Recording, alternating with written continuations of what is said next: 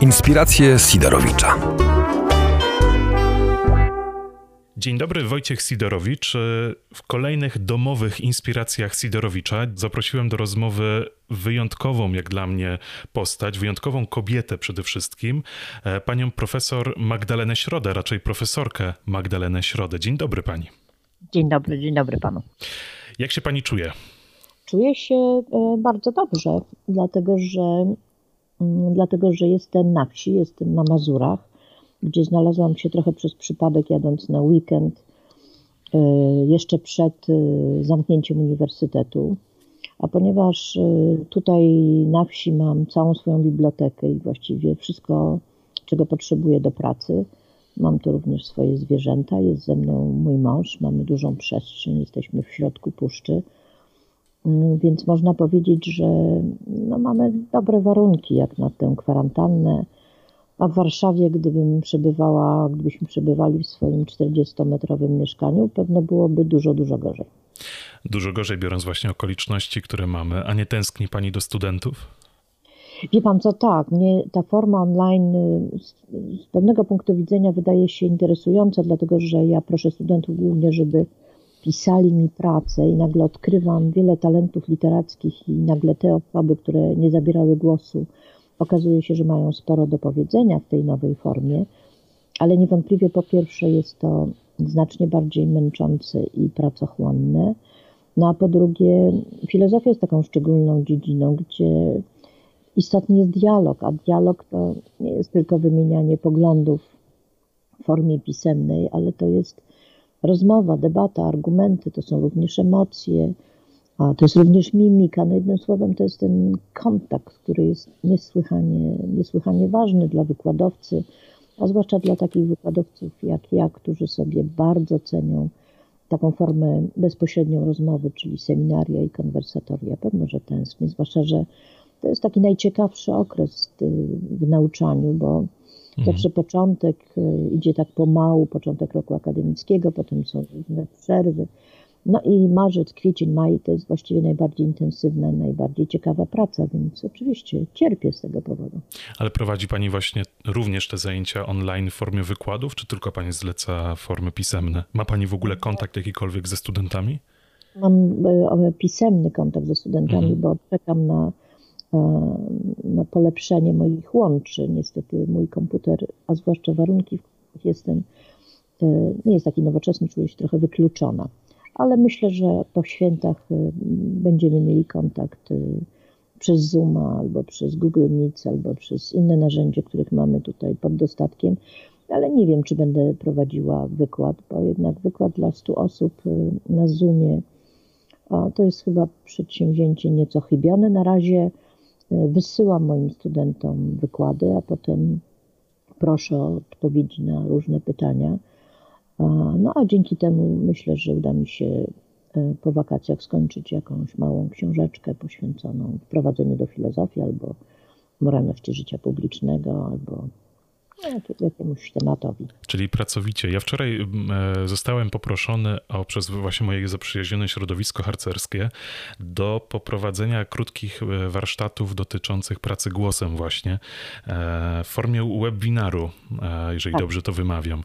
No i właśnie zastanawiam się, jak sobie nauczyciele, jak sobie wykładowcy nagle, którzy zostają zmuszeni tak naprawdę sytuacją do przygotowywania takich zajęć codziennie, radzą. Ja wczoraj Wielokrotnie miałem okazję prowadzić takie zajęcia, a wczoraj okazało się, że siadłem przed monitorem i musiałem przez dwie godziny prawie mówić do monitora w ogóle nie wiedząc, czy ktoś mnie słucha, e, kto, jaką właśnie, jakie kto robi miny, czy są jakieś pytania.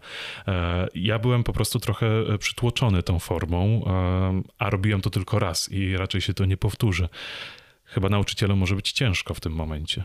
Nie, no jest okropnie ciężko, poza tym naprawdę to jest złudzenie, że wszyscy jesteśmy tacy nowocześni i że wszystkie dzieci, czy młodzież, czy studenci mają pełen dostęp do internetu, komputerów albo tak dobre łącze, że mogą na tym swobodnie pracować. Ja przybywając na wschodnich rubieżach Polski, przyglądam się męce tutejszych rodziców, którzy mają dzieci, ale nie mają komputerów albo mają słabe łącza, albo nauczyciele nie potrafią się tym posługiwać i właściwie tylko dają różne zlecenia, każąc dzieciom uczyć się z podręczników i testując ich wiedzę, co wydaje mi się pewnym nieporozumieniem. Natomiast ja oczywiście, mimo że nie, nie nauczam przez internet, to biorę udział w różnego rodzaju zoomowych spotkaniach, konferencjach mhm. itd. Tak A jak to jest w kilka osób, to nie ma większego problemu i nawet uważam, że jeżdżenie po świecie e, na konferencje, gdzie ludzie przestali również ze sobą się kontaktować, tak jak dawniej, po prostu wygłaszają skróconą wersję swojego referatu i wracają do siebie.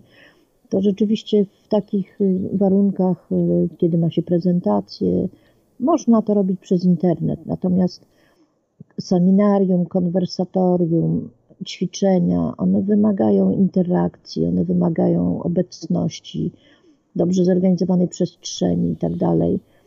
E, nie wiem, ja nawet śledzę, czy moi studenci, kiedy zadaję pytanie, sięgają do książki, czy mają zrobione notatki. To jest, są również informacje bardzo ważne dla kogoś, kto naucza. Także mhm. czekam, czekam, dostałam dzisiaj informację taką może bardziej optymistyczną, że na razie nauczanie online na uniwersytecie będzie odbywało się do 15 maja, czyli przynajmniej mam jakąś jasność i nadzieję, że może po 15 maja wrócimy do normalnych zajęć. No właśnie, UJ, e, jako że pani na Uniwersytecie Warszawskim, ja mam styczność e, z Krakowem, więc tutaj też UJ e, też poinformował o przedłużeniu do 15 maja.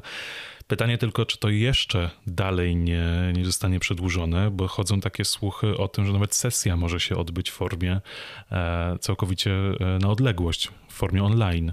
Nie wiem, czy to jest znaczy, w ogóle możliwe. To jest możliwe, znaczy w moim przypadku jak najbardziej, bo wszystkie egzaminy u mnie odbywają się face to face, czyli mogę to robić przez Skype'a. Tak to sobie wyobrażam, jeśli studenci oczywiście będą mieli Skype'a mhm. albo w jakiejś innej formie. Tak, to, to mi się wydaje całkiem możliwe. Natomiast dla dużych grup ja po prostu zorganizuję jakąś formę wypowiedzi o, o charakterze pisemnym. Natomiast wie pan, istotne jest ten 15 maja, czy jakakolwiek data, bo w chaosie, w którym dzisiaj żyjemy, najgorsza jest ta niepewność i to, to zresztą szczególnie dotyka, i o tym chciałam powiedzieć, ośmioklasistów czy maturzystów, że oni po prostu nic nie wiedzą. Znaczy, jakieś decyzje powinny być natychmiast podjęte. Ale to jeżeli tak przerwę pani, jeżeli um, uczelnie już mówią, Uniwersytet Warszawski u pani, Uniwersytet Jagielloński w Krakowie czy inne mówią o przedłużeniu zajęć do 15 maja, przynajmniej w formie online, to dlaczego nie mówi się właśnie o maturach, o tym egzaminie ośmioklasisty? Dlaczego właśnie ta grupa jest e, w zawieszeniu pozostawiona? Wie pan co, ja mam teorię polityczną mhm. o charakterze spiskowym, to znaczy ja jestem przekonana, że obecna władza, zwłaszcza jeden władca, lubi zarządzać chaosem, to znaczy sytuacja niepewności, strachu, chaosu jest tą sytuacją, dzięki której on może wygrać i wzmocnić swoją władzę. Każdy się boi samodzielnie podjąć decyzję, a Kaczyńskiemu zależy na stanie niepewności. To jest moje jedyne wytłumaczenie. Dlatego, że cokolwiek się będzie działo dalszego z epidemią, podjąć decyzję, że matury będą y, w lipcu, we wrześniu, czy w ogóle będą przełożone na przyszły rok w jakiejkolwiek formie, myślę, że taką decyzję można było już podjąć jakiś czas temu. Natomiast ponieważ wszystko w tym rządzie zależy od prezesa, a prezesowi zależy wyłącznie na umocnieniu swojej władzy, no to mamy taką sytuację niepewności, w której autonomiczne uniwersytety no przynajmniej wykonały taki gest, że dały nam pewny czas do 15 maja, że wiemy co robić, jak nauczać, jak rozłożyć naszą pracę. Natomiast maturzyści znajdują się w dramatycznej sytuacji, zwłaszcza, że dla bardzo wielu, jeśli nie wszystkich, matura, a potem studia no to jest... Ogromny stres też. Tak, to jest, to jest bardzo, ważna, bardzo ważna sprawa. Zwłaszcza, że szkoła polska jest właściwie nastawiona na ten końcowy egzamin, więc to jest tak jak e, z olimpiadą. Ludzie się szykują przez kilka ostatnich lat, żeby dobrze wypaść na finale, a tu się okazuje, że finał e, ginie w jakiejś totalnej mgle i w totalnym mhm. nieładzie politycznym. To jest dramatyczne. Miała Pani okazję e, obejrzeć jakieś chociażby urywki, bo ich jest pełno, dotyczące szkoły TVP, w, no właśnie, tego programu Szkoła TVP? Tak, no niestety tak. E, niestety tak i też ubolewam nad sytuacją nauczycieli, którzy spotkali się z tym ogromnym hejtem. Mhm. No ale też uważam, że pójście do telewizji to jednak jest spore wyzwanie. Nie słyszę pani, tak. nie wiem, czy pani gdzieś się oddaliła? Czy... Tak, przepraszam, puściłam mikrofon. Pójście do telewizji to jest po prostu mhm. spore wyzwanie i trochę się dziwię tym nauczycielom, że się na to zdecydowali. No ale może oni chcieli, nie wiem, zrobić coś więcej na przykład niż do tej pory. Mieli taką myśl, że mogą się wykazać, zabłysnąć, albo może chcieli zarobić po prostu. Eee, więc może takie były ich motywacje. Ale nawet jeżeli jakiekolwiek te motywacje były, to raczej e, ja przynajmniej jestem po prostu też. E, no, porażony tym, tą ilością właśnie hejtu, który na tych biednych nauczycieli e, spłynęły. Ja się rzeczywiście przyznam, zaśmiałem, jak, jak pani, e, mm, jak ten filmik zobaczyłem z tym, że pani sieje trawę bodajże. Ale tak, później tak, tak. zacząłem sobie to analizować, że że zaraz, to ona e, nie jest przygotowana do bycia prezenterem, e, jest naprawdę w tym momencie w bardzo trudnej sytuacji, jak ona się teraz musi czuć właśnie po tym, jak cała Polska tak naprawdę się z niej śmieje, a przecież to nie jest człowiek przygotowany na taki stres, jak celebryci na przykład. No ale wie pan, no, decydując się na coś takiego, jednak trzeba mieć pewną wiedzę, pewne przygotowanie, pewną pewność siebie, ja się bardzo dziwię, dlaczego ci nauczyciele się na to zdecydowali. Mhm. Ja pamiętam, jak nie wiem ile lat temu, pewno ze 40, szłam pierwszy raz do telewizji, to się panicznie bałam i się strasznie szykowałam. Miałam w głowie po prostu cały plan i różne tego wersje. Natomiast tak po prostu ze szkoły przed kamery, bez reżyserii, bez pomysłu. Wie pan co, no, ja myślę, że trzeba spuścić na to zasłonę milczenia. Chociaż z drugiej strony te nieszczęsne lekcje wpisały się w ogóle w tą e, żałosność telewizji publicznej, bo czegokolwiek właściwie oni nie wyprodukują, to jest e, albo kiepskie, albo śmieszne, albo propagandowe, znaczy mhm. śmieszne w dobrym sensie. Więc e, ja się temu jakoś nie dziwię. No, to się zrobiło takie żałosne medialne miejsce, bo też mam na myśli jakieś fragmenty wiadomości, które do mnie dochodzą z tego rodzaju propagandą i z tego rodzaju przekłamaniami, no, że naprawdę ta telewizja straciła zaufanie w każdym względzie. Więc i nic dziwnego, że taki produkt edukacyjny dała wszystkim i rozśmieszyła wszystkich. No to prawda, to trzeba ubolewać nad tym tematem. Pani profesor, chciałbym przejść do rzeczy, która według mnie jest bardzo istotna, ale niewiele się o niej mówi. Koronawirus w tym momencie e, spowodował coś takiego, że ma się złudne wrażenie, że świat się w jakiś sposób zatrzymał, że przestaliśmy myśleć o różnych problemach. Um, tutaj właśnie poruszałem również temat praworządności z panem Igorem Tuleją, czy, czy praw obywatelskich e, z rzecznikiem praw obywatelskich panem Bodnarem, ale jest taki istotny temat, e, o którym się nie mówi do końca, czyli e, przemoc w rodzinach. W tym momencie e, oprawcy tak naprawdę mają idealne warunki, żeby, e, no żeby po prostu znęcać się nad swoimi ofiarami, tak mówiąc ogólnie. Pozostajemy w kwarantannie. Znaczy, wie pan, ja jeszcze bym chciała nawiązać do tych praw obywatelskich, mhm. bo mam oczywiście kontakt z różnymi ludźmi na świecie i rozmawiam też z nimi, jak oni się czują w tej sytuacji izolacji, kwarantanny, ograniczenia praw. Różnica zasadnicza między Polską a innymi krajami polega na tym, że każdy oczywiście szykuje się na nieprzewidziane okoliczności i zdarzenia i wszyscy się szykują na potężny kryzys ekonomiczny, mhm. ale w większości krajów Europy Zachodniej jest to przekonanie, że demokracja wróci. To znaczy, że ograniczenie praw ma charakter chwilowy i że władza, ograniczając te prawa, troszczy się tak naprawdę o zdrowie i bezpieczeństwo swoich obywateli. Czyli jakby nie ma tego, co u nas jest, kompletnego braku zaufania do władzy i do państwa mhm. i tej obawy, która według mnie jest całkiem prawdopodobna, że to ograniczenie praw może być trwałe i że będziemy mieli do czynienia nie tylko z kryzysem ekonomicznym czy kryzysem zdrowotnym i zapaściami w różnych dziedzinach życia publicznego, ale również, że ten stan e, autorytarnej władzy i zmiany ustroju może się stać e, naszą przyszłością. I to jest poważny problem w moim przekonaniu. Lepiej znosić zawieszenie praw obywatelskich, mhm. kiedy jest się pewnym, że celem tego jest moje bezpieczeństwo, zdrowie, jakiś dobrostan, niż wtedy, kiedy zawieszenie praw obywatelskich służy władzy do jej e, umocnienia. A z tym mamy do czynienia w Polsce. Przeglądałam ostatnio tę tarczę antykryzysową mhm. i jest tam znacznie więcej narzędzi e, władzy, e, które służą władzy, niż rzeczywistej pomocy dla pracodawców czy pracowników.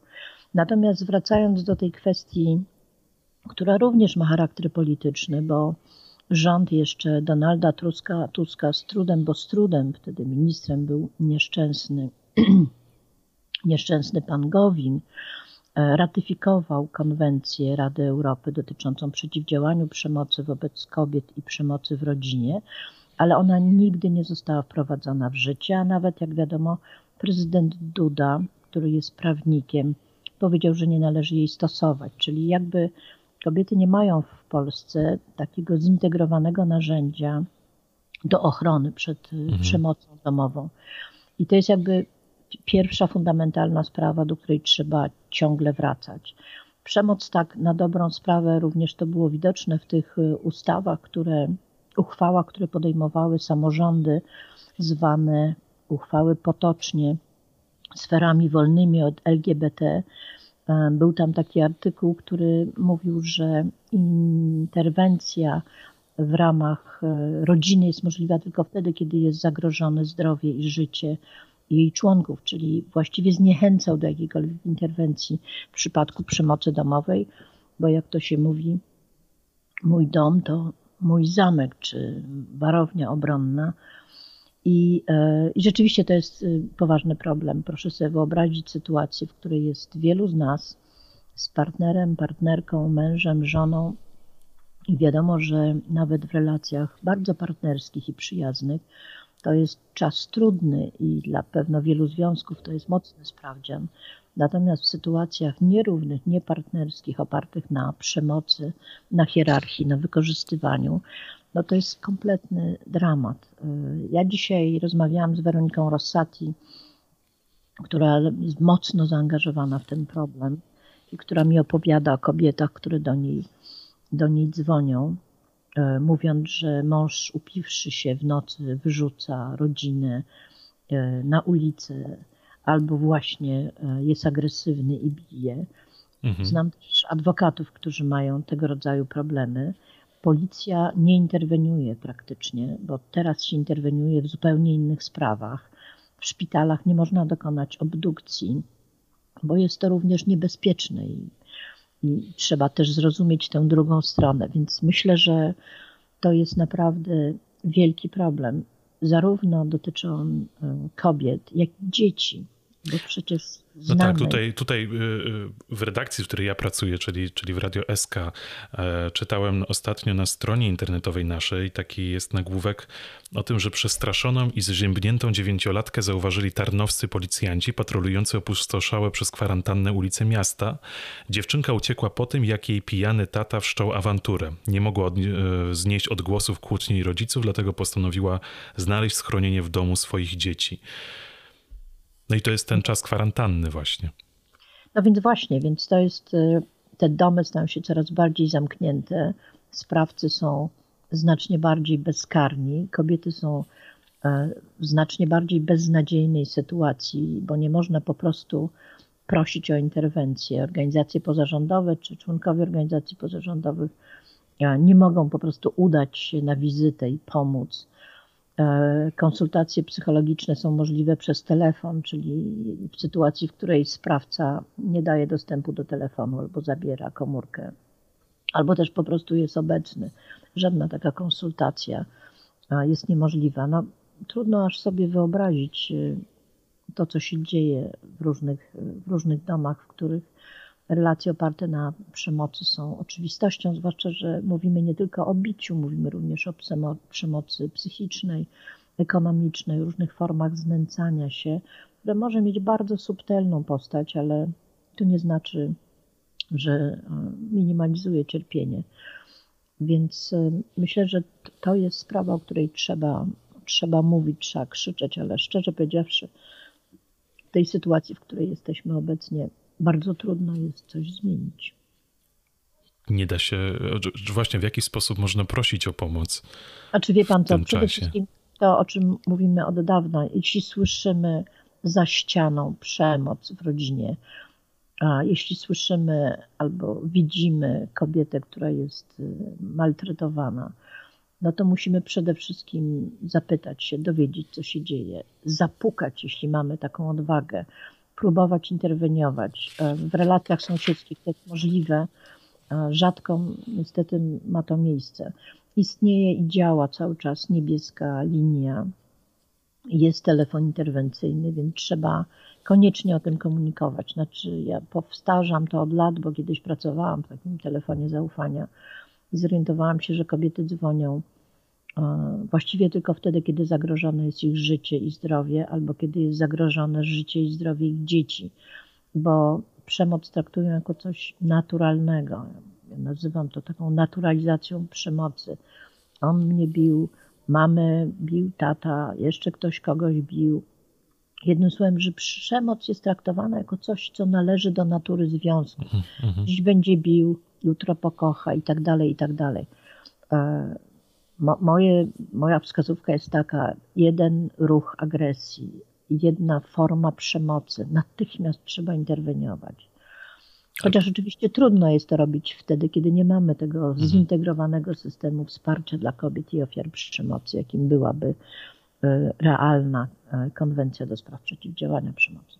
Tu właśnie powiedziała Pani o takiej ważnej rzeczy, że e, kobiety dzwonią, czy w ogóle ludzie dzwonią w momencie, kiedy czują rzeczywiste zagrożenie swoje lub dzieci, więc w większości takich przypadków, kiedy ta przemoc nie jest jeszcze aż tak dotkliwa, e, to te kobiety na przykład nie zadzwonią nigdzie, a do tej pory był jeszcze taki wentyl bezpieczeństwa, nie wiem, wyjście z kolegami na piwo na przykład, albo pójście do baru po powrocie z pracy. W tym momencie wszyscy są zamknięci ze sobą w domu, może się okazać, że właśnie, że ten koronawirus oprócz śmierci, które są spowodowane nim, e, skończy się tragicznie dla właśnie takich, takich domów?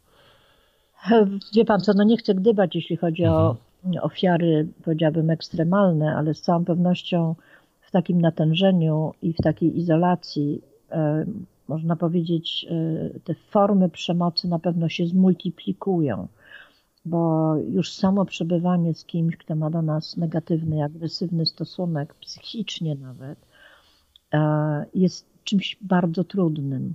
Znaczy właściwie jest nie do zniesienia. A w sytuacji, w której ja nie mogę wyjść, nie mogę gdzieś pójść, nie mogę gdzieś wyjechać, kiedy on też nie ma, jak pan mówi, tego wentylu bezpieczeństwa, to sytuacja jest naprawdę tragiczna. Nawet zwróćmy uwagę na takie, powiedziałabym, zwykłe związki, ludzi, którzy e, mają swoje formy życia, mieszkają razem, ale codziennie pracują, po wiele godzin są poza domem, spotykają się właściwie wieczorem czy w weekendy. Jak teraz nagle wszyscy są ze sobą w domu, a są na przykład w krótkotrwałym związku. Ja myślę, Czyli nie znają się jeszcze do końca też. Właściwie nie znają się, bo tak naprawdę to albo wiele lat trzeba z kimś przeżyć, żeby można się po nim spodziewać pewnych rzeczy albo nie spodziewać właśnie. A, a taka krótka forma i taki sprawdzian, z jakim mamy teraz do czynienia, mogą okazać się dla wielu drastyczne. Więc ja myślę, że e, ta kwarantanna, czy w ogóle okres epidemii, on wpłynie na relacje międzyludzkie. Również w takim, w takim sensie przestrzennym. E, ja zauważyłam, jak dosyć szybko odzwyczaiłam się e, jeszcze na początku epidemii od dotykania i całowania. Tak mamy taki zwyczaj, że jak widzimy dobrych starych znajomych, to się przytulamy i całujemy, podajemy sobie ręce. Mhm. Teraz trzymamy się na dystans, więc normalnie zachowujemy taką półmetrową przestrzeń. W tej chwili ona się wydłużyła do prawie półtora metra i tak zastanawiam się, czy za miesiąc my wrócimy do tych dotyków i do tych różnych form, które jednak są głęboko związane z naszym wzajemnym funkcjonowaniem, czy też y, będziemy tacy zatomizowani i z trudem będziemy przełamywali opór bliskiego, bliskiego kontaktu. E, ja myślę, że w ogóle dużo rzeczy się zmienia, również kwestie związane z czasem. E, dawniej ten czas był, jak to się mówi, zwłaszcza dla osób pracujących na wagę złota. Po prostu pędził, było zawsze dużo do zrobienia i tego czasu zawsze brakowało. teraz niektórym w każdym razie rozciąga się, ciągnie się w nieskończoność, albo też niektórych dopada taki rodzaj monotonii, że jakby nic nowego się nie dzieje, no bo jestem ciągle z tą samą albo tymi samymi osobami, albo sama. No, mam oczywiście internet, ale ale jednak kontakty z żywymi ludźmi i sytuacje na mieście, kiedy się wychodzi, kiedy się spotyka, kiedy się idzie do pracy, są z dzisiejszego punktu widzenia y, bardzo atrakcyjne. Już nie mówiąc o tym, że dla ludzi, którzy tę pracę tracą, to jest rzeczywiście tragedia. To jest tragedia. Znaczy, że mhm. oni nie mają gdzie wrócić, nie mają gdzie odetchnąć od tej sytuacji rutynowej, w którą popadli teraz to jest wielki problem. Czyli, e, nie wiem, tak idąc szerzej, możemy się też spodziewać właśnie takiej psychicznej zmiany w naszym społeczeństwie, że my będziemy teraz słabsi, e, no, po prostu będziemy słabsi psychicznie po, po całej tej sytuacji? Wie pan co, nie, nie wiem, pewno jedni będą słabsi, drudzy będą silniejsi. Ja mhm. myślę tylko o takich sprawach dosyć powierzchownych, to znaczy o naszych gestach, o przestrzeni, jaką zachowujemy między sobą, o dotyku, o stosunku do ciała innego człowieka, czy o zmianach, które pewno nastąpią w relacji e, wielu osób. Natomiast na ile to będzie głębokie, w takim sensie powiedziałabym antropologicznym czy egzystencjalnym, to trudno im powiedzieć. To pewno zależy od tego, ile to będzie, ile to będzie trwało. Wiem skądinąd, że są ludzie, którzy są w stanie paniki, to znaczy rozmawiając z lekarzami, e, z psychologami czy z psychiatrami, no, dowiadujemy się, że mają jakby coraz więcej potencjalnych i faktycznych y, pacjentów i że są ludzie, którzy z wielkim trudem znoszą tę sytuację, co jest dowodem na to, że człowiek jest jednak istotą społeczną. Jakkolwiek by nie lubił samotność, to jednak kwestia, to jednak kwestia bycia z kimś jest y, szalenie ważna. Ja sam się śmiałem z siebie, że w sumie e, w tym momencie pracuję z domu, e, więc nie do końca mi to tak uwiera, bo, bo na co dzień e, wolę poprzebywać we swoim, w swoim własnym towarzystwie, ale jednak jak nie ma tej drogi chociażby właśnie do pracy, tego wyjścia do sklepu, czy chociaż nawet by raz w tygodniu wyjścia z kimś na mieście, żeby się spotkać, to rzeczywiście się to odbija. Wie pan, mnie najbardziej no. brakuje, bo ja bardzo dużo rzeczywiście pracowałam ostatnio i pisałam książki i właściwie mam zajęcia. Też można powiedzieć, ja lubię pracować sama, być sama i tak dalej, ale kiedy jestem zmęczona, tak jak wtedy, kiedy jestem właśnie na wsi, mhm. to wieczorem uwielbiam gotować i zapraszać gości. Ja po prostu lubię gotować, odpoczywam w kuchni, krojenie warzyw to jest właściwie główny re relaks dla mnie. I strasznie mi brakuje tego elementu, że nie mogę zaprosić przyjaciół, którzy gdzieś tu są, ale na pewno nie przyjadą. I to jest dotkliwe, że przynajmniej e, co jakiś czas, co jakiś czas, żeby się spotkać i pogadać, zwłaszcza, że sytuacja polityczna jest taka, że ona wymaga takiego przegadania w jakiejś grupie. Oczywiście to są rozmowy telefoniczne, można sobie zoomować i tak dalej, ale to, to nie jest to samo, co usiąść wokół ogniska, przy dobrym jedzeniu z lampką wina i po prostu pogadać. Wtedy człowiek nie tylko wymienia informacje, ale wzmacnia się przyjaźnie.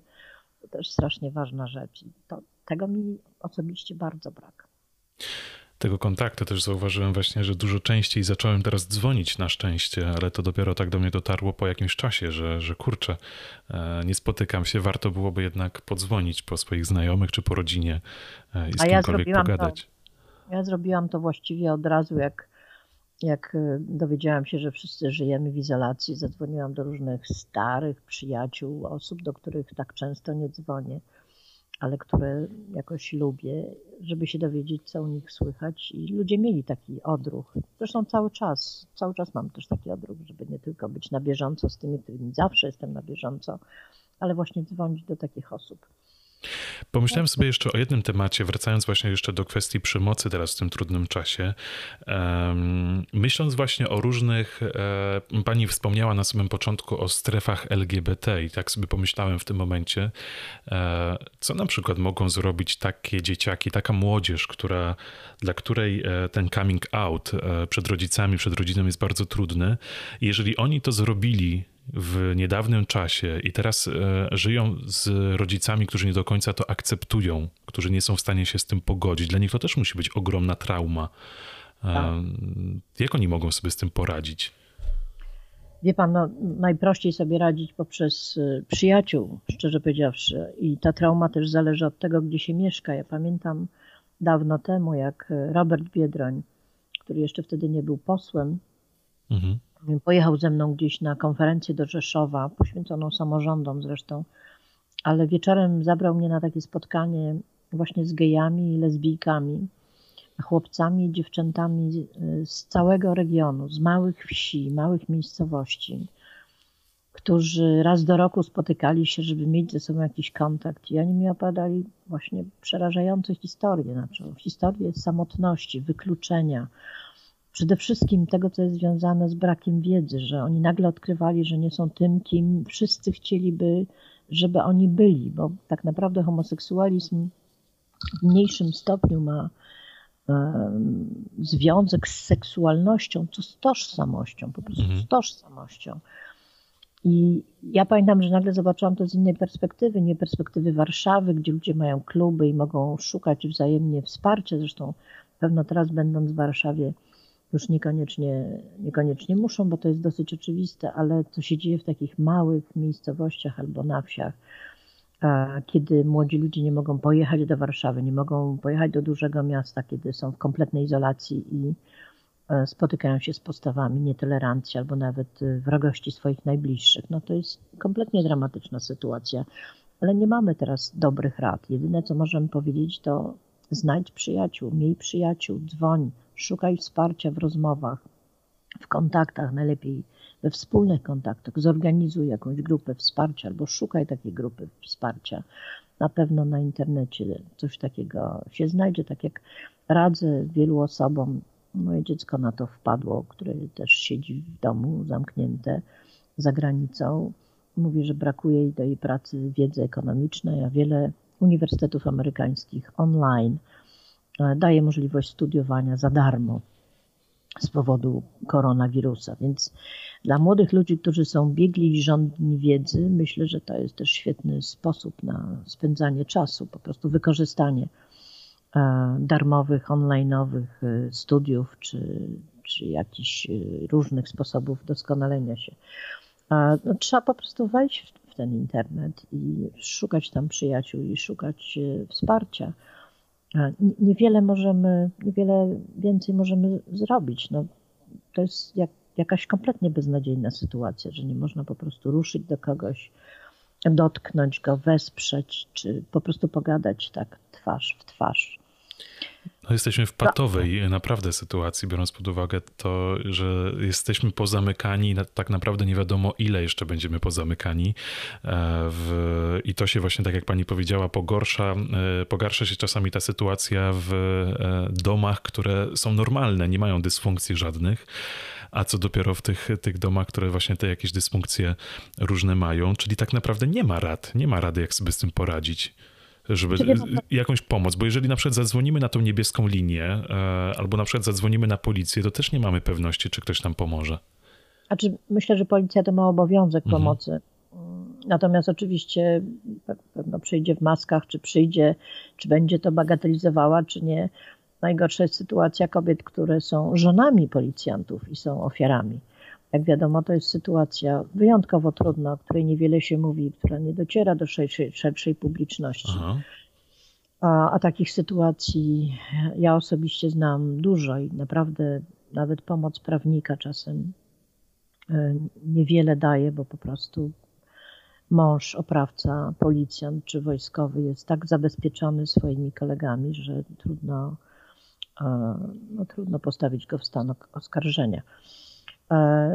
No, ja myślę, że wie pan, trochę tak jest z tym społeczeństwem, że jest jak rtęć, to znaczy jak ma zablokowane jedne możliwości, to wchodzi w inne możliwości. My akurat w tym jesteśmy dosyć sprawni. No, ja świetnie pamiętam stan wojenny, właściwie dosyć szybko wytworzyło się drugie życie, mhm. podziemne mhm. życie i życie wśród przyjaciół. Prawdziwa polityka przecież była uprawiana w domach wśród przyjaciół, a nie tam, gdzie była przemoc i tam, gdzie była autorytarna władza.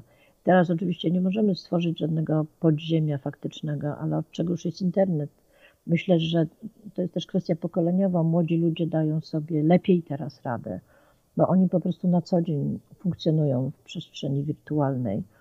Potrafią się tam świetnie poruszać, a co ważniejsze, potrafią zapełnić swój czas. Gorzej jest z ludźmi, którzy są niechętni albo zgoła nie potrafią być w internecie i kontaktować się z innymi przez internet. A sytuacja osób starszych, o których w ogóle nie mówiliśmy, samotnych, nawet jeśli są zabezpieczeni, jeśli chodzi mhm. o dostawy żywności i tak dalej. Jedni dobrze znoszą samotność, ale też oczywiście przy, że tak powiem, wiadomym terminie jej zakończenia, inni znoszą absolutnie fatalnie, zwłaszcza zamknięcie w domu. Pewno taka jest przyczyna tego, że po ulicach, na ulicach widać dużo starszych e, osób, które. E, po prostu które, sobie nie radzą w domu. Które sobie nie radzą w domu, które wychodzą po każdy produkt, żeby się po prostu, żeby się po prostu przejść. Ale też myślę, że, bo jestem z natury optymistką, że gdyby nie ta sytuacja polityczna, w której wszyscy jesteśmy, to te osoby, e, zwłaszcza z młodszego pokolenia, one wytworzą jakieś takie nowe, trwałe formy kontaktu, funkcjonowania i to będzie takie trochę alternatywne e, społeczeństwo, które już zostanie z nami. Trochę mnie pani zasmuciła swoimi odpowiedziami, niestety, bo jednak jak powiem szczerze, że jak tak planowałem tę rozmowę z panią i dzwoniłem do pani, to pomyślałem sobie, że kurczę, pani profesor znajdzie, będzie miał jakieś rozwiązania, chociażby na te sytuacje przemocowe, coś, co rzeczywiście uda się rozwiązać. A tutaj E, okazuje się, że naprawdę jesteśmy bar w bardzo trudnej sytuacji i będziemy chyba jeszcze w coraz gorszej. Znaczy wie pan, takim rozwiązaniem na przyszłość e, zupełnie jakby prywatnym mhm. to jest e, być w związku partnerskim z kimś, z kim można się zaprzyjaźnić, mieć przyjaciół, troszczyć się o związki przyjacielskie. To jest chyba najlepsze remedium na wszystkie nieszczęścia, izolacje, no i kataklizmy, które na nas, na nas spadają. Troszczyć się o dobre relacje z dziećmi, wspierać je i tak dalej, i tak dalej. Myślę, że. Czyli tak naprawdę najprostsze rzeczy, o których mówimy na co dzień, bo to przecież są tak. rzeczy, które się słyszało dużo wcześniej niż przed pandemią. Wie pan, ja tak się trochę mogę mądrzyć, bo rzeczywiście y, mam taką pracę, którą bardzo lubię i nie wyobrażam sobie życia poza nią nie wszyscy są w tak e, szczęśliwej sytuacji, bo oczywiście chciałam powiedzieć, że trzeba podtrzymywać relacje zawodowe i troszczyć się również, jak w moim przypadku, o studentów. No ale teraz znowuż myślę o ludziach, którzy tę pracę tracą, którzy zaczynają być bez środków do życia. No i tutaj takie różne rady o charakterze psychologicznym czy filozoficznym naprawdę nie zdają się na nic. Oni mhm. będą potrzebowali pracy, będą potrzebowali dochodów i to jest obowiązek państwa. Zwyczajny obowiązek państwa, który, z którego to państwo się nie wywiązuje. No właśnie, jak pani ocenia tę sytuację, to wsparcie, które, e, które rząd planuje dać właśnie przedsiębiorcom, pracownikom? Powiedziała pani, że przeglądała tarczę antykryzysową. Te... Przeglądałam tarczę mhm. antykryzysową e, głównie, żeby zobaczyć, ile tam jest elementów czysto politycznych, a ile ekonomicznych. Mhm. Natomiast no, biorąc pod uwagę na przykład Belgię, gdzie pracownicy dostali 60% gwarantowanej przez państwo pensji, no to te nasze rozwiązania, zwłaszcza przy bankach, które e, zachowują się jakby nic się nie działo, to znaczy zamykają się i nie dają żadnej pomocy, to ta pomoc jest y, głęboko niewystarczająca. E, zwłaszcza, że na przykład y, jest zwolnienie z ZUS-u e, wszyscy nie zauważyli to pewno marzec, kwiecień, maj, czyli za marzec wszyscy już zapłacili, za kwiecień zapewne też, czyli zwolnienie z ZUS-u jest tak naprawdę na jeden miesiąc i tak dalej, i tak dalej.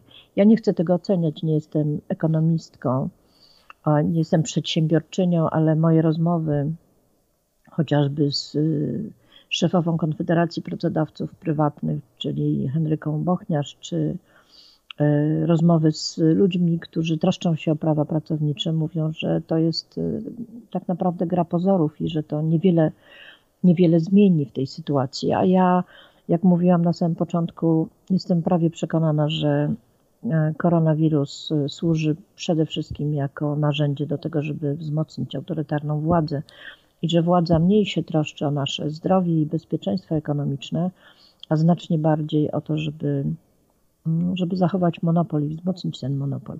Bo tam jest dużo dziwnych bardzo rzeczy. Pojawiają się areszty domowe trzymiesięczne, mhm. możliwość lokalizacji naszych telefonów, skanowania listów. E, bardzo dziwny pomysł, żeby e, Rada Społeczna Dialogu została zdekomunizowana. No komu do głowy przychodzą jakieś kwestie dekomunizacji teraz i tak dalej, i tak dalej. Czyli widać, ile, ile tam jest włożonych elementów, które tak na dobrą sprawę mają charakter czysto polityczny, czysto autorytarny i one mogą się utrwalić, to znaczy nie muszą być zniesione. No, jeśli widzimy jeszcze szaleństwo prezesa Kaczyńskiego, e, jeśli chodzi o wybory korespondencyjne czy wybory 10 maja. I to, że no, tam kompletnie nikt się nie przejmuje e, epidemią, to znaczy on i jego najbliższe towarzystwo, wszystko właściwie jest tylko okazją. To jest po prostu okazja, która trafiła się Kaczyńskiemu, żeby uzyskać e, pełnię władzy na przynajmniej kilka lat no, to to wszystko jest, powiedziałabym, smutne i dramatyczne. I oprócz tego, że jesteśmy w domach w sytuacji czasem mhm. beznadziejnej, to do tego dochodzi to poczucie politycznej bezsiły, politycznej bezsilności. Ja się zastanawiam, komu na przykład w tym momencie przychodzi do głowy, żeby na przykład zajmować się kwestiami całkowitej aborcji, czy, bo, bo o tym, tym się ma zająć Sejm na kolejnym posiedzeniu, czy ka, karania edukacji seksualnej na przykład. Znaczy wie pan co, to jest akurat konsekwentne, dlatego że mhm. jeśli instaluje pan, e, chce pan instalować nowy typ ustroju, o charakterze właśnie autorytarnym, czy zgoła idącym w kierunku totalitaryzmu, to jeśli prześledzimy różne ustroje e, o, te, o, tym charakterze, chociażby w wieku XX, no to zobaczymy, że ich absolutnie nieodzownym i spójnym elementem jest podporządkowanie e, kobiet, polegające na tym, że mają one w tym społeczeństwie pełnić funkcje prokreacyjne przede wszystkim, bo rządy państw autorytarnych i totalitarnych potrzebują wysokiej demografii, bo potrzebują pracowników albo mięso armatnie. Ja tego nie potrafię inaczej wytłumaczyć, ale penalizacja e, aborcji, e, a nawet kara śmierci za aborcję, to jest e, to są rządy Vichy we Francji, to jest nazizm, to jest Stalin. Mhm. To są wszystkie niedobre polityczne zjawiska. Więc podporządkowanie sobie połowy społeczeństwa poprzez taką infantylizację, penalizację i pokazanie, że kobiety nie są dość dojrzałe, samodzielne i autonomiczne, by decydować o swoim własnym macierzyństwie, to jest akurat bardzo inherentny element polityki autorytarnej. Czyli to, co pani powiedziała, że szukają teraz dobrej, że trafiła się okazja po prostu do tego, żeby tak, zrobić. Teraz się, teraz się okaże, mhm. że w ogóle jest e, tyle możliwości e, wprowadzenia narzędzi władzy autorytarnej, a jeśli chodzi o Kaczyńskiego, to nie ma on żadnych skrupułów, to jest po prostu cynizm i makiawelizm, e, że wszystko zostanie wprowadzone. To po prostu widać. Wie pan, a kwestie z edukacją seksualną, ja uważam, że my jesteśmy takim w ogóle społeczeństwem przedfreudowskim. Troszkę jakby dalej jeszcze pani mikrofon wzięła, bo tak e, podmuchy Jesteśmy takim mhm. społeczeństwem przedfreudowskim, to znaczy takim społeczeństwem, które traktuje seksualność jako, cały czas jako tabu. Freud mhm. odkrył, że seksualność ludzka jest elementem kondycji ludzkiej i każdy jest istotą seksualną od narodzin do śmierci. Seksuologia jest wiedzą, wiedzą właściwie taką samą jak, nie wiem, fizyka czy historia. Po prostu ma swój określony przedmiot. I uczenie się, prowadzenie zajęć z edukacji seksualnej to jest po prostu wiedza o własnym ciele, o własnej fizjologii, o relacjach międzyludzkich, o rzeczach absolutnie podstawowych i również takich, które są ważne, zwłaszcza w pewnym okresie. Odcinanie młodych ludzi od tej wiedzy, e, czyli trzymanie ich z jednej strony w stanie totalnej ignorancji, ale z drugiej strony wiadomo, że one mają, wszystkie dzieci, cała młodzież ma dostęp do programów pornograficznych chociażby. Mhm. Ma wprowadzić ich w taką konfuzję, żeby stały się łatwymi ofiarami przestępstw e, seksualnych. Jeśli zobaczymy, skąd się biorą przestępstwa seksualne, tak jak molestowanie czy pedofilia, one się biorą tak naprawdę z ignorancji, znaczy z ignorancji biorą się z agresji sprawców i biorą się z, z ignorancji ofiar. One nie wiedzą, co się dzieje, jak reagować, co można z tym fantem zrobić. One są tylko nieszczęśliwe i cierpiące.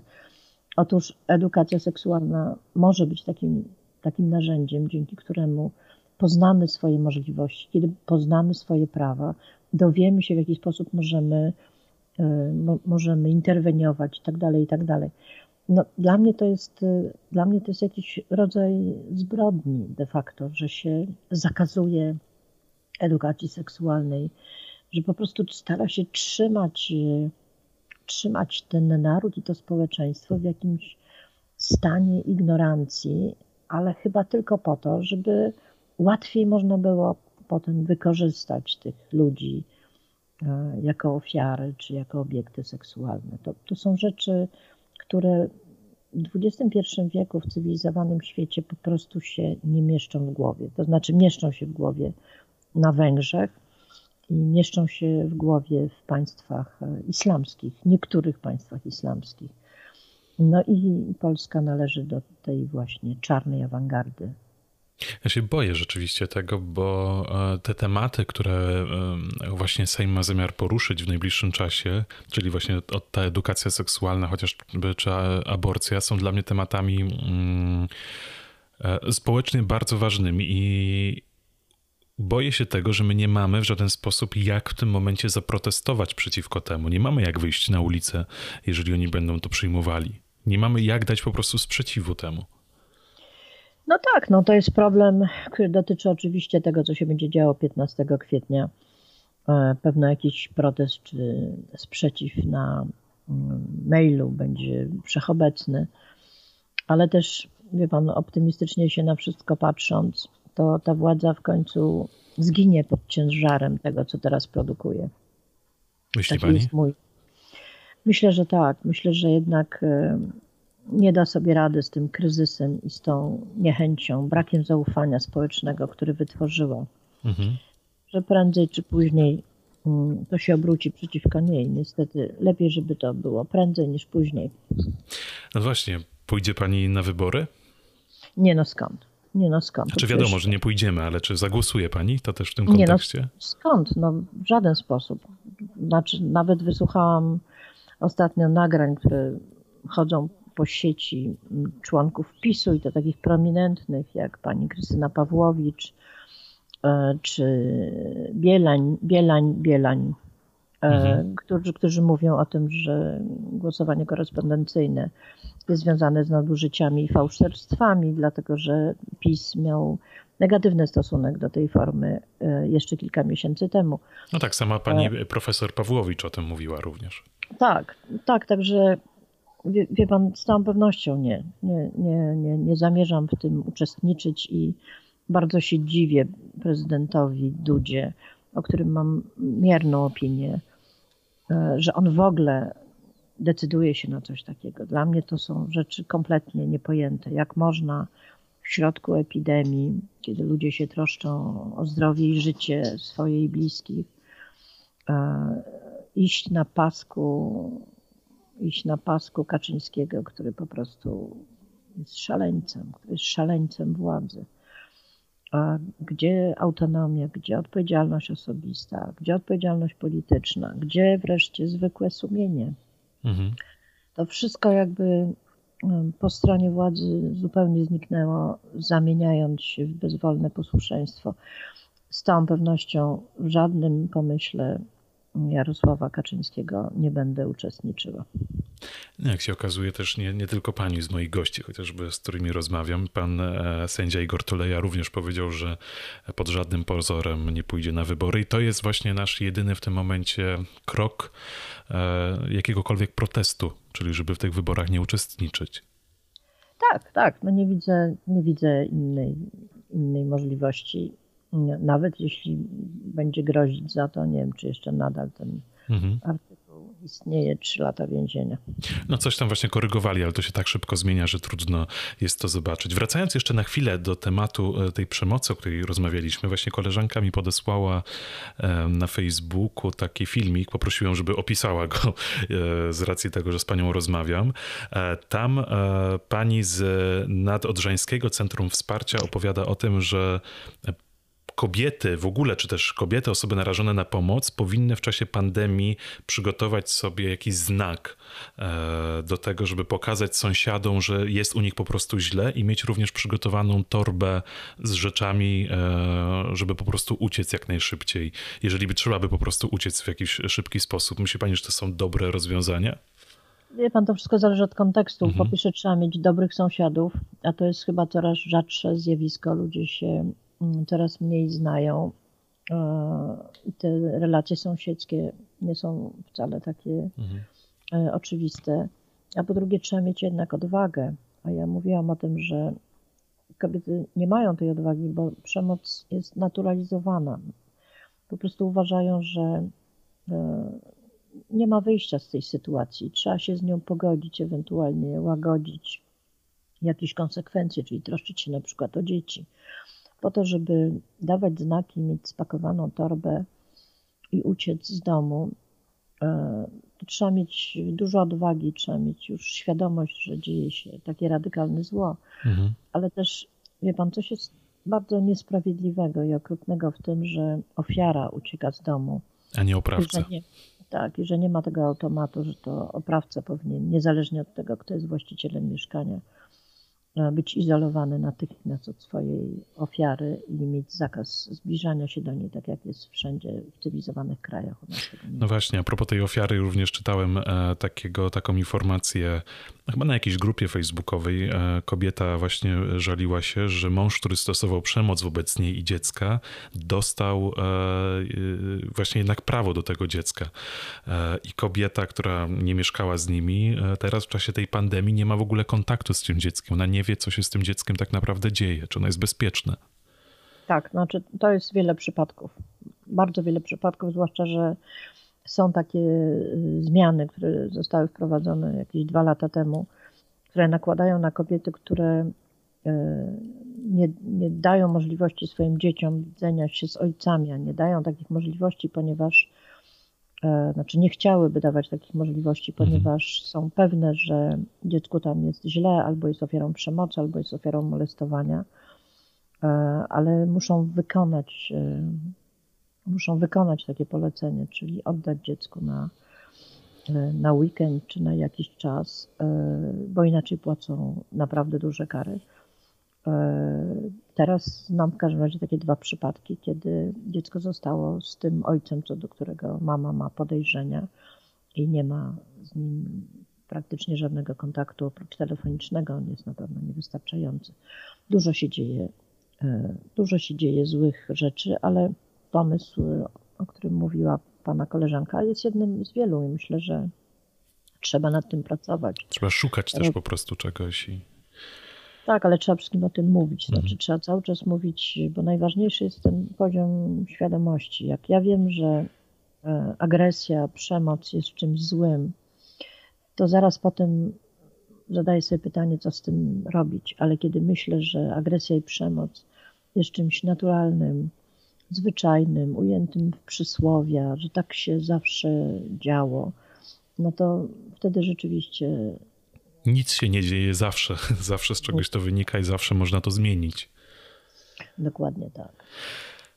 To przechodząc e, już tak na zakończenie do ostatniego tematu, e, miałem przyjemność z panią rozmawiać podczas zlotu stulecia e, ZHP w Gdańsku. Tam właśnie też panią zaprosiłem na rozmowę z naszymi harcerzami i cały czas mam w głowie taki piękny obrazek, jak wracałem chyba z sanitariatów, no tak mówiąc na, na, na polskiej prostsze, czyli chyba spod prysznica wtedy. Pani siedziała w namiocie, przy wejściu do namiotu, e, przy stole z laptopem i pisała pani książkę wtedy.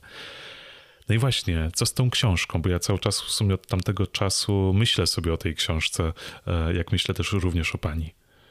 Ja tą książkę pisałam przez 6 lat, więc e, zawsze można było mnie złapać na pisaniu książki. Ale przede wszystkim do niej bardzo dużo czytałam, bo ona jest mhm. trochę spoza mojej dziedziny. No właśnie, co to będzie za książka?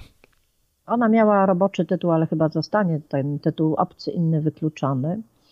Czyli to była książka o obcości, o różnych figurach obcych, e, o naszych postawach wobec obcych, ale zwłaszcza o tych negatywnych postawach wobec obcych, ale tak szeroko rozumianych. Obca, figura obcości to są zwierzęta, to są dzicy, niewolnicy, uchodźcy, Żydzi, geje, kobieta mhm. również z pewnego punktu widzenia.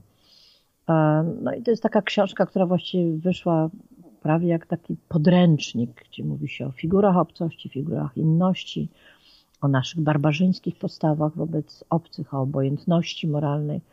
Mówi się również o pozytywnych postawach, takich jak gościnność, czy wielokulturowość, czy miłość bliźniego, których wszelako jest jednak mniej w naszej kulturze niż tych e, negatywnych, takich jak przemoc, agresja, obojętność, eksterminacja.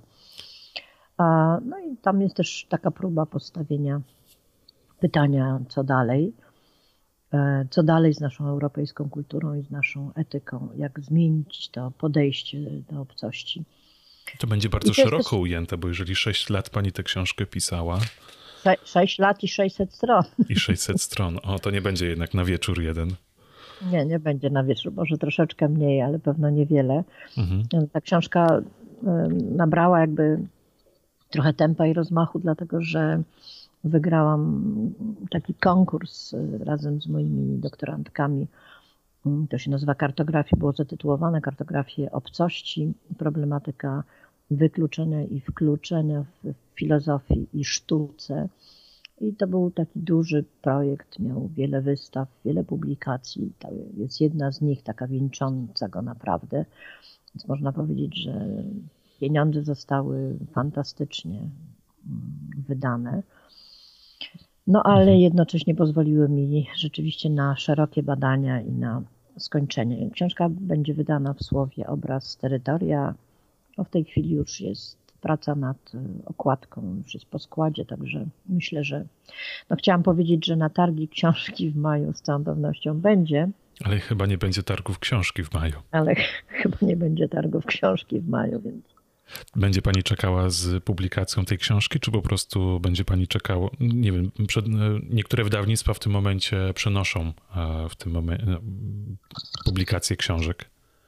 E, nie, nie, ja muszę ją skończyć, dlatego że, mm, dlatego, że kończy mi się mój grant w kwietniu, mhm. muszę się z tego wszystkiego rozliczyć. No, kwestia promocji jakby to jest drugorzędna kwestia. Szczerze powiedziawszy, już się tak naczekałam i tak napisałam, że chciałabym tą książkę mieć w ręku. No ale oczywiście cały ten misteryjny plan, że to się ukaże akurat na targi książki i że będzie miała kilka mm, promocja, ja będę miała kilka spotkań w maju i czerwcu, no on na pewno nie zostanie zrealizowany. Być może targi krakowskie do nas pani zawita, to one będą w październiku. Może do tego czasu coś się zmieni, chociaż wątpię, żeby ktoś się zdecydował na organizację tak dużej imprezy. Ja myślę, że dlaczego? Ja myślę, że to jednak patrzy się, jak się sytuacja normalizuje w Wuhanie, jak się normalizuje trochę e, w, Austrii. Ale czy ludzie nie będą się bali jednak? Ja e, pomyślałem sobie w ogóle o tym, że skończy się ten moment, nie wiem kiedy, nie umiem sobie tego wyobrazić, ale powiedzą e, rządzący, że już koniec, nie ma kwarantanny, otwieramy lokale, to sobie pomyślałem, że o, wtedy te lokale odetchną, bo ludzie zaczną do nich przychodzić, ale z drugiej strony myślę sobie, czy ludzie nie będą się bali jeszcze wtedy, ile to potrwa, żebyśmy się przyzwyczaili do tej sytuacji. Znaczy, wie pan, tak naprawdę pewno wszystko zależałoby od szczepionki, gdyby udało mhm. się tą szczepionkę mieć i no na tyle ją rozpowszechnić, że ludzie byliby zaszczepieni, to strach by zupełnie chyba wtedy zniknął. E, ja ciekawa jestem, kiedy ludzie zaczną wsiadać w samoloty, bo to jest takie miejsce zawsze mm, trudne. No ale, no nie wiem, szczerze powiedziawszy, może wymyślona zostanie jakaś forma promocji książek, na czym by mi zależało, nie, nie z powodu promocji mojego autorstwa, ale ten problem wydaje mi się strasznie ważny i ciągle niestety aktualny, bo my też jesteśmy takim krajem i oczywiście, i oczywiście o tym piszę, to znaczy krajem, w którym niby nie ma zbyt wielu obcych, bo jesteśmy bardzo homogenicznym krajem. Mhm. I nawet, y, nawet tak zwany uchodźca tutaj się szczerze powiedziawszy nie pojawił, ale mamy taką władzę, która e, bardzo lubi wymyślać obcych i on, one, ci obcy przybierają takie fantazyjne postaci, na przykład jak gender albo LGBT, albo teraz jest chyba nowy obcy, on się nazywa ekoterrorysta. Tak, tak, tak. Więc, ym, więc i to cały czas jakby funkcjonuje i ma swoje polityczne implikacje. Ludzie rzeczywiście zaczynają się bać. Ja pamiętam tutaj na Mazurach w czasie horroru związanego z tak zwanym gender e, na kościele, gdzieś tam e, daleko ode mnie, ale wszelako tutaj e, była taka, był taki baner Matko Boska, chroń nas przed gender. I wtedy różne osoby przychodziły do mnie, pytając się, co to jest właściwie to gender, ale wszyscy się tego bali. Mhm. A to jest taki rodzaj sprawowania władzy, który nam zaoferowano, który polega na tym, że władza wymyśla nam e, abstrakcyjnego wroga, a potem jawi się jako jedyny obrońca przed nim.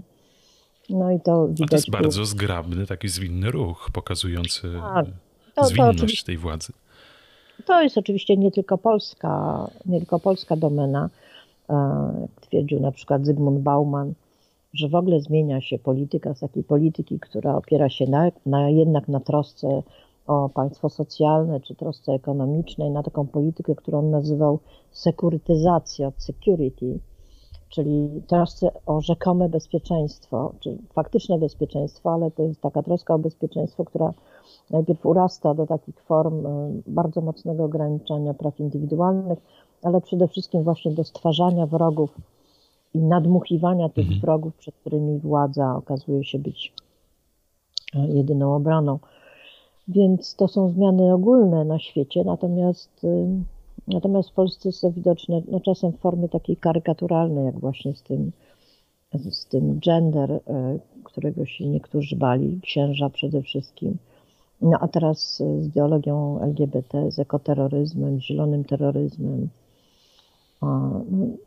No, jesteśmy w takim aberracyjnym świecie. Chociaż ja się zastanawiam, jakim e, cudem, też tak e, nomen nomen mówiąc, ja się, do mnie te rzeczy nie trafiają w żaden sposób. Ja nie jestem w stanie w ogóle się przywiązać do ekoterroryzmu, do, do gender, żeby jakkolwiek czuć jaką obawę e, do tego. Po prostu jakby te rzeczy słyszę, że są, bulwersują mnie, że są, ale pojawiają się nowe, ja nie jestem w stanie w ogóle się utożsamić z tym. Znaczy, wie pan, no, ja mam, ja myślę, że dla ludzi wykształconych pojęcie gender po prostu oznacza płeć kulturową, a, która to płeć kulturowa jest przedmiotem interdyscyplinarnych badań o charakterze społecznym, czyli jest czymś, co interesuje pewno niewielką grupę ludzi. Natomiast, y, na, natomiast to jest wytwarzanie, y, wytwarzanie jakiegoś strachu w oparciu o ignorancję pustą ignorancję. Mhm. A LGBT, ja nie wiem, czy ktokolwiek potrafi z tych, którzy podpisują te e, różne deklaracje czy uchwały, rozszyfrować ten, e, ten skrót i wytłumaczyć e, właściwie na czym polega, czym jest owa mniejszość oznaczona tym skrótem. No ale też proszę zwrócić uwagę, że właściwie w tych akcjach wolny od LGBT uczestniczą głównie zwolennicy PiS, zwolennicy Kościoła z powodu wiary, tylko z powodu ideologii, którą ten Kościół uprawia. Więc to nie dotyczy ten lęki, strachy ludzi myślących bardziej otwarcie, bardziej szeroko.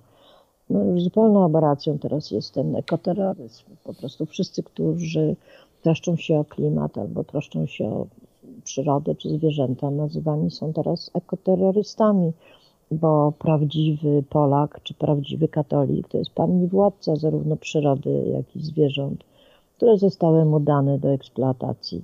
I można na zrobić, co się chce. Można zrobić, co się chce. Na tym polega patriarchalna władza nad światem.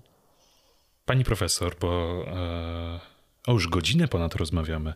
To się nam, tak, to ale miłe rozmowy zawsze, e, zawsze tyle trwają, więc ja też również się cieszę, że miałem okazję e, z panią porozmawiać e, tym razem właśnie w tej, w tej formie zdalnej. Mam nadzieję, że dalej aktualne jest to, że będziemy się jeszcze kiedyś mogli spotkać już w tych bardziej takich ludzkich okolicznościach. Chociaż dzięki internetowi właśnie i ta rozmowa teraz się odbyła, więc to też jest dobre. Tak, tak, cieszymy się. Cieszymy się, że internet istnieje, ale nie chcielibyśmy, żeby nasz świat zamykał się w internecie. To prawda, więc teraz wykorzystujmy i nie bądźmy obojętni również, to już też podsumowując rozmowę, e, wcześniejsze tematy. Ja mam również wiadomość do pani do przekazania od mojej mamy. Znowu, jak, jak się okazało, powiedziała mi, że będę z panią rozmawiał, to powiedziała mi, że Pozdrów serdecznie e, panią profesor. Powiedz, że jak się pojawia teraz gdziekolwiek w telewizji, to chociaż na chwilę czuć normalność. To już pani zostawiam do interpretacji.